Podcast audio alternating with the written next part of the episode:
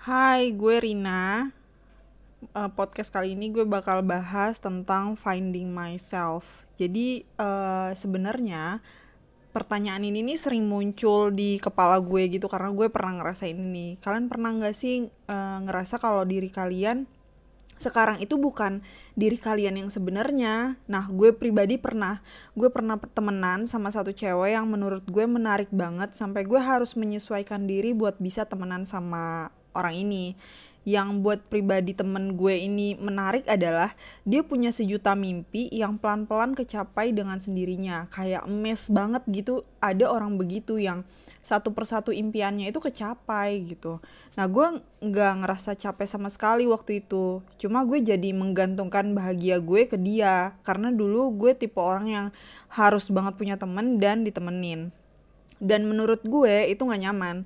Gue ngejalanin itu sekitar enam bulanan temenan sama temen gue ini. Nah, uh, gue selalu ngerasa kalau dia sedih ya gue ikutan sedih. Terus dia kalau dia seneng gue juga lebih seneng.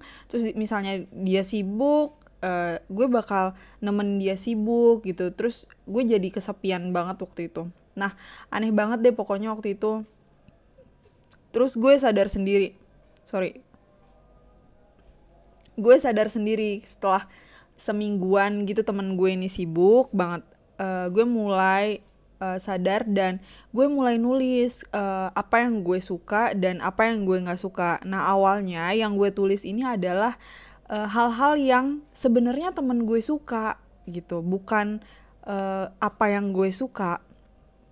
Nah uh, gue mulai uh, nyoret tuh hal-hal uh, yang sebenarnya itu kesukaannya temen gue ini bukan kesukaan gue gitu. Jadi kayak ada asimilasi kali ya. Jadi uh, kesukaannya dia tuh udah nyampur sama gue gitu. Jadi gue nggak tahu lagi nih gue sukanya apa gue nggak sukanya apa kayak gitu. Nah gue mulai nulis itu gue coret satu-satu dan ketemu hal-hal yang emang gue sukain. Kayak uh, baca buku terus motoran sendirian terus makan hmm. di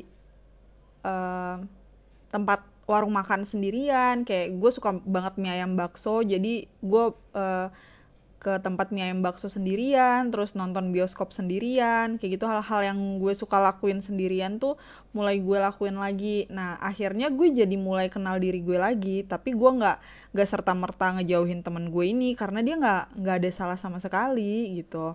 Nah menurut gue hal yang gue lakuin itu nggak salah, kayak uh, gue beradaptasi biar untuk berteman sama temen gue ini. Uh, hal kayak beradaptasi sama orang lain supaya bisa berteman baik itu ya bisa dan harus dilakukan sebenarnya uh, beradaptasi itu penting banget ya biar hubungan sosial lo antar sesama manusia itu bisa berjalan dengan baik. Jadi uh, stop bilang kayak ya ini gue kalau lo nggak bisa terima terima gue ya kita nggak bisa temenan. Jangan gitu karena nggak ada di dunia ini yang mau temenan sama orang yang seegois itu gitu. Jadi jangan uh, sekeras itu sama diri lo sendiri. Ya lo harus tetap beradaptasi kayak gitu. Lo harus nerima orang lain dan uh, harus terbuka tapi jangan sampai uh, pengaruh orang lain ini bisa mempengaruhi diri lo sebegitunya gitu. Jadi lo tetap uh, tahu apa yang lo suka lo tetap jadi diri lo sendiri tapi lo bisa menerima orang lain kayak gitu.